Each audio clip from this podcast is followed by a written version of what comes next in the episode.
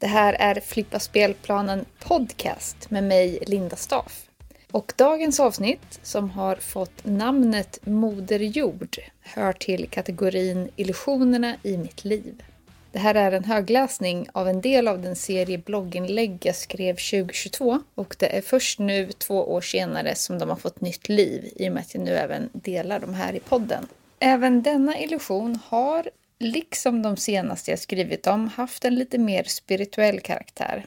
Och eh, det här inlägget är det sista av det slaget. När bloggserien började berättade jag att ett kommande avsnitt skulle handla om Moder Jord. Och ju närmare tiden kom då inlägget skulle skrivas blev jag mer och mer osäker på om jag ens skulle göra det. Dels för att det är lite för personligt, både för min skull och för er skull. Den innehåller väldigt mycket av min egen livsfilosofi och jag kanske inte borde dela den här. Fast som vanligt är jag mest av allt angelägen om att du finner dina egna ord i livet och din egen livsfilosofi. Men ibland behöver vi skakas om av andra för att ändra uppfattning eller bara bli starkare i vår tro. Jag vet att några av er har väntat på det här, så här kommer det. Personligt som tusan. Lyssna till det med öppna öron, eller vad man ska säga. Försök relatera till det som sägs på ett sätt som passar er. Många gånger använder vi bara olika ord för att beskriva samma sak. Det här är mina ord idag. Moder Jord. Det talas ofta om Moder Jord, men det står inte helt klart vad vi menar med det uttrycket. Säkert har vi alla varsin förklaring för vad det innebär för oss. Kanske menar vi bara planeten jorden som sådan. Eller kanske en slags kraft men för många som använder begreppet Moder Jord uppfattar jag det som gör det med en kärlek och välvilja för något man kallar henne eller planeten som sådan. Moder Jord som god och samtidigt ett offer för människans hänsynslöshet. Att Moder Jord är något gott som behöver vår hjälp, liksom ett offer, är något som det ofta talas om och jag hade också den uppfattningen förut det har jag till viss del fortfarande, men den kan uttryckas mycket djupare nu. Det var under ett samtal jag hade med en vän som ofta utmanar och sticker hål på illusioner, som hon sa att vi behöver skydda oss från Moder Jord då hon vill att vi ska dö. Lika mycket som hon vill att vi ska leva. Samt att Moder Jord inte alls behöver vår hjälp, då det vi gör inte påverkar henne överhuvudtaget. Det tog mig ett tag att få på plats vad som egentligen hade sagts och varför jag då tyckte att det lät så konstigt. Jag förespråkade ju då, liksom nu, om betydelsen av att just ta hand om naturen. Vad menade nu min vän med det där? Om att det vi gör inte spelar någon roll? Jag tillhörde dem som såg att vi människor är en del av naturen och blev ledsen när jag såg hur mänskligheten tog för sig alldeles för mycket av naturens resurser och jag såg Moder Jord, also known as planeten jorden, som ett offer, en balans vi rubbade. Romantiserande av Moder Jord. Jo, jag såg nog lite överdrivet på Moder Jord som enbart god. Inte för att hon är ond, utan mer att hon inte är någonting utav det. Eller båda delarna på samma gång. Att ha fastnat i synen på henne som mestadels god blev samtalet med vännen ett skönt uppvaknande. Idag ser jag Moder Jord som en livskraft. Och för att något ska födas så behöver något annat dö. Det är så naturen fungerar. Ändå klänger vi oss fast vid livet så hårt och helst vill glömma döden. Men de hör ihop. De är båda en del av livet på jorden. Jag kan tycka att det finns mycket överromantiserande av kraften Moder Jord att vi talar om henne som om hon vore något utanför oss själva. Som ett sårat offer som vi ska ta hand om. Eller en stark kraft utanför oss själva som vi ska dyrka.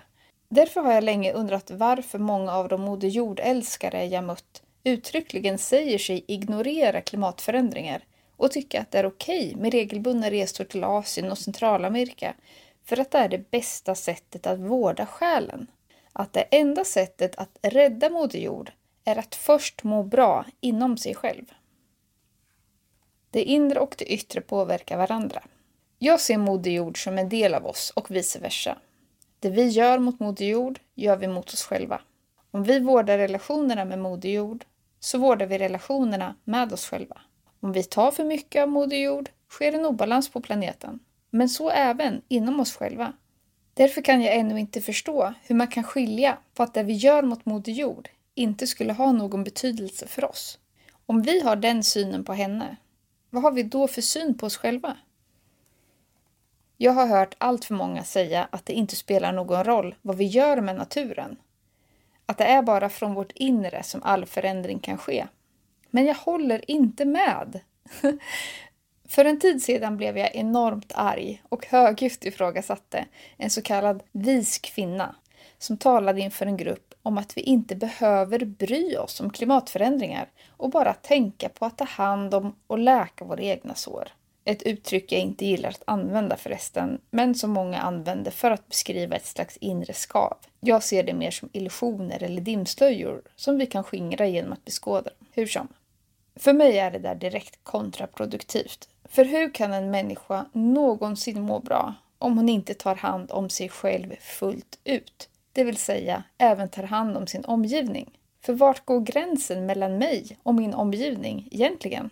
Påverkas inte min kropp av allt jag stoppar i mig, luften jag andas, vattnet jag dricker och handlingarna jag gör? Påverkas inte luften jag andas och vattnet jag dricker av mina handlingar och det som vår konsumtion och livsstil släpper ut? Vad sker inom oss när vi behandlar andra så som vi själva inte vill bli behandlade? Många modejordälskare vill istället framhäva vikten av att äta nyttigt. Men hur kan vi äta nyttigt om vi först förorenat vår mat? Moder Jord är vår vägvisare till det inre. Det börjar inifrån, säger man. Jag håller med. Därför kan man strunta i utsidan. Jag håller inte med. Jag ser naturen som själva kartan till vårt inre. Hur vår relation är med utsidan är vår relation med oss själva. En man sa en gång att det var när han började vårda och arbeta för att regenerera jorden av kärlek till den som han kom att bli en bättre älskare. Att se att man kan stärka livskraft på jorden gör att man kan se att man kan stärka livskraften inom sig själv. Det kan fylla en med mening och det kan vara precis det man behöver om man känner sig vilsen i världen. Att förstå betydelsen av biologisk mångfald kan få oss att förstå att det är när vi är oss själva som vi är som mest värdefulla. Det genererar självkärlek. Vi är i varje sekund resultatet av det som hänt och samtidigt grunden för det som komma skall. Allt hänger ihop, både det som utvecklas inom oss och det som sker i vår omgivning. Om det så är i relationer till andra människor eller i naturen. Att tro att det vi gör inte är av betydelse, det är att förminska och skada oss själva. Vi är större än så. Liv kan inte levas isolerat. Min starka uppfattning är att allt inte bara börjar inifrån. Det kan också börja utifrån. Och jag önskar att fler livscoacher också delade den uppfattningen. Varför ska man separera de två? Det inre och det yttre. Det är för mig en gåta. Kanske är det fortfarande min illusion att slå hål på. Det här var ett avsnitt ur poddserien och kategorin Illusionerna i mitt liv här på Flippa spelplanen. Om du gillar det här och vill att podden ska få hänga kvar och utvecklas så swisha gärna ett bidrag till 123 647 57 50 och märk med podcast. Vill ni diskutera innehållet i vad som har sagts här så finns det en Facebookgrupp som heter Flippa spelplanen podcast Snackis. Så välkomna dit! Ha det gott!